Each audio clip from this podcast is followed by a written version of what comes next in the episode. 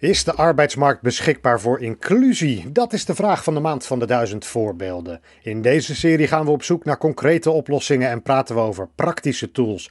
Beschikbaar voor werkgevers, werkenden en professionals. Tools die kunnen helpen de werkvloer een beetje inclusiever te maken. Je kunt selecteren op basis van diploma's, je kunt kijken naar skills, maar je moet eigenlijk kijken naar talenten. Dat beoogt Henny Luiten van Rijnconsult Onderwijs. Daarom ontwikkelde hij het talentenpaspoort en het daaraan gekoppelde talenten-DNA. Met dat gegeven dat mensen die naar talenten kijken schijnbaar geen personeelsproblemen hebben en mensen die, alleen, die dat niet doen wel, of we iedereen in Nederland, alle organisaties kunnen helpen met een tool waardoor zij ook hun personeelsprobleem kunnen aanpakken. Wel bij uitgesproken is dat het vaak wel en en en is. Voor sommige beroepen heb je ook een diploma of competenties nodig. Maar we zeggen, draai je dus om. En hoe leg je dan concrete focus op die talenten? Dus dat talentenpaspoort, dat is een cadeautje voor je medewerker. Want die kan dan zien, hey, zo zit ik in elkaar. En daarom werken sommige dingen in mijn werk niet zo goed. Omdat ik dat uh, ja, niet vanuit mijn drijfveren doe.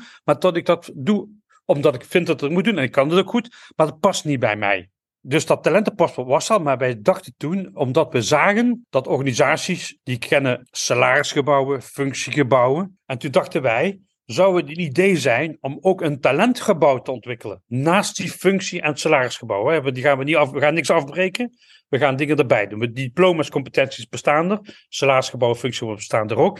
Maar kunnen wij een talentgebouw maken? Toen dachten we, kunnen wij functies of rollen in een organisatie zodanig beschrijven dat je een match kunt maken met mensen die daar talenten voor hebben. En we noemen dat een talent-DNA van een functie. Functie in een cultuur. Want een organisatie X is anders dan een organisatie Y, zelfs voor eenzelfde functie. Een programmeur bij Google, programmeur bij Microsoft of een programmeur bij Apple hebben een ander talenten-DNA. Als ik daar nou geïnteresseerd in ben, wat om, om zo'n profiel van mijn organisatie te krijgen, kom jij dan langs, observeer jij, of het vragenlijsten die ik in moet vullen, enquêtes die ik uit moet zetten, hoe, hoe werkt dat? Wat ik nu zeg lijkt heel erg ingewikkeld, maar is het niet. Het werkt als volgt. Een medewerker, een persoon, vult een talentvragenlijst aan en krijgt een talentenpaspoort. En dat kost ongeveer 20 minuten. Daar worden eigenlijk je drijfveer in kaart gebracht, de dingen die je graag doet met je hart.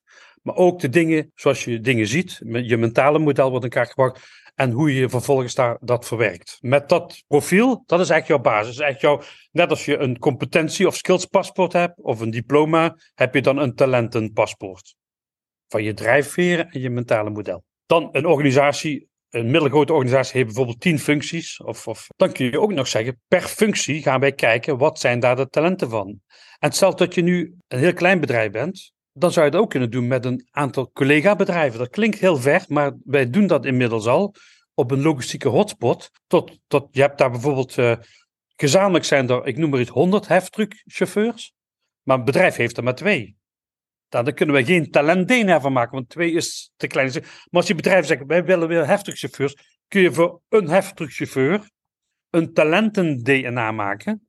Dan maken wij dat.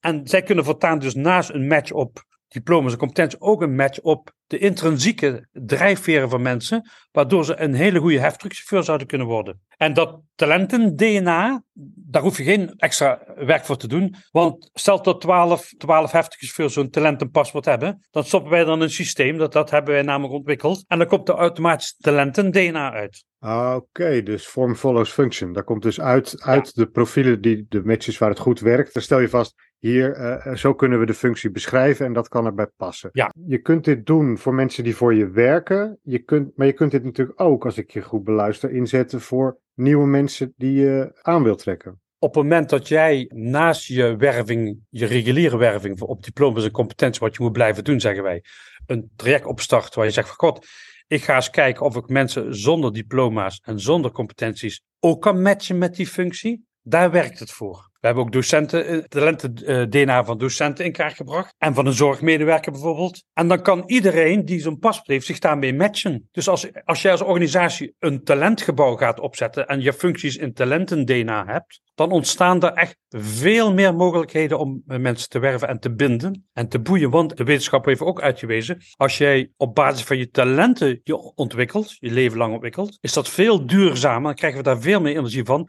dat, dat je dingen doet die je toevallig goed kunt. Het is niet altijd zo, is wat je kunt heel goed bij jou past. Dat klinkt heel moeilijk, maar dat is wel zo. Ik merk dat zelf ook. Ik heb een opleiding die niet bij mij past, dat kan ik goed, maar daar word ik niet ongelukkig van. Dus dat is niet duurzaam. Wil je naast de zekerheden van iemand heeft een diploma en competentie en kan meteen morgen aan de slag, maar het is misschien na twee weken alweer weg en zien we de zorg omdat het niet bij hem past of bij haar past, dan raden wij aan om naast die twee sporen ook een derde spoor te ontwikkelen. En er zijn heel veel bedrijven die daar nu mee starten, want het is iets nieuws. Dus je moet ook niet zeggen, de ene ga ik wegdoen. Nee, start een derde spoor en ga daarmee verkennen. Al verkennende, hoe ziet zo'n talenten-DNA of zo'n talentenpaspoort daar nou uit? Een mens is een, geheel van drie soorten uh, zeg maar, talenten. Je hebt fysieke talenten. Die kennen we allemaal, hebben vroeger wat gedaan. De Cooper-test op school. Gaan we niet doen. Je hebt talenten die je graag doet met je hart, je drijfveer. En je hebt talenten die, zoals je, je, je dingen ziet en hoe je ze verwerkt. En dan zal ik van die drijfveren en dat mentale model eigenlijk twee voorbeelden geven. Er komt een talent uit dat heet begrijpen. En als je begrijpen hoog hebt, doe je liefst ongekende dingen.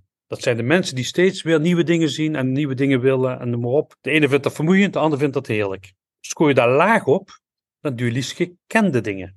En op zich is dat ook heel erg uh, fijn, want dat zijn de mensen die steeds weer de verdieping zoeken. Hè? De anderen worden generalisten, de anderen zoeken verdieping.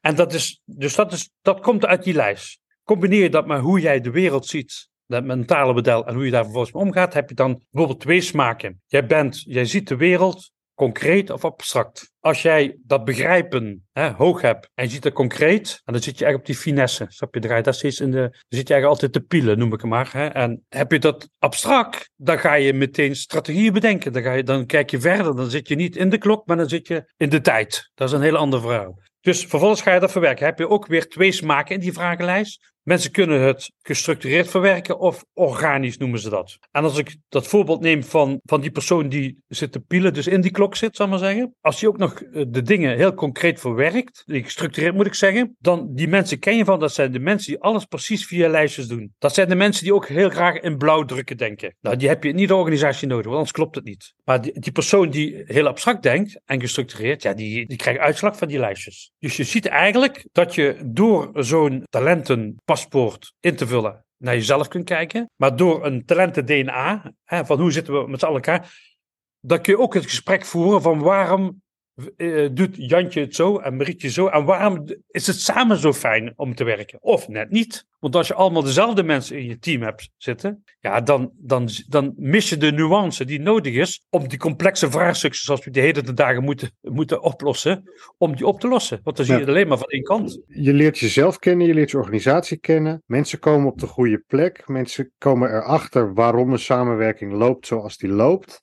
Dit is een multitool in de uh, letterlijke zin van het woord. Missen we nu nog iets? Ja, wat, wat wij ook constateren, want we hebben een aantal werkateliers gedaan de afgelopen jaren waar we dachten van god, het is wel leuk bedacht, maar werkt het ook? Hè? Werkatelier, het werkt ook. Maar we zagen ook dat de huidige manier van werken ook nieuwe instroom in de weg staat. Dat is heel naar. Toen wij startten was het al in de zorg zo, ja, mensen gaan binnen twee, nieuwe mensen gaan binnen twee jaar al weg. In het onderwijs horen we nu vaak, mensen gaan na twee dagen al weg. Mensen haken in het sollicitatiegesprek al af. Dat zijn mensen die van zichzelf denken: ik wil graag in onderwijs werken. En haken al in het sollicitatiegesprek af. Toen dachten wij: wat is hier aan de hand? Toen kwamen we tot iets anders achter. Wil jij het probleem oplossen, dan moet je twee sporen bewandelen. Zoals je het nu doet, was het altijd goed, maar voor de toekomst is dat niet voldoende. Dus je moet je huidige kasteel niet afbreken en ook je mensen niet. Nee, die moet je dus in hun kracht gaan zetten. Maar begin een nieuw spoor, want bedrijven moeten zich anders gaan organiseren. Wij noemen dat eigenlijk, je moet horizontaal gaan leren, werken en innoveren. En dat noemen we ook het Rijnlands model, waar je de mens in zijn kracht zet. Dus je gaat niet beginnen bij de organisatie, maar je draait de piramide om. Je begint bij de betekenis die mensen geven aan werk, en jij ook. En van daaruit ga je je organiseren. Een laatste woord over het talentenpaspoort.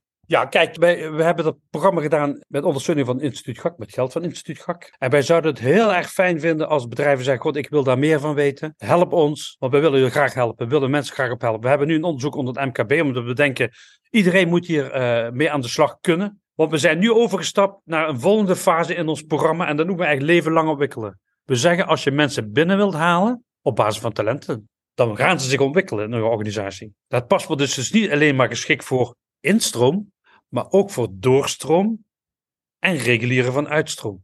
En dat noemen wij leven lang ontwikkelen. De podcastserie is opgezet in samenwerking met instituut GAK.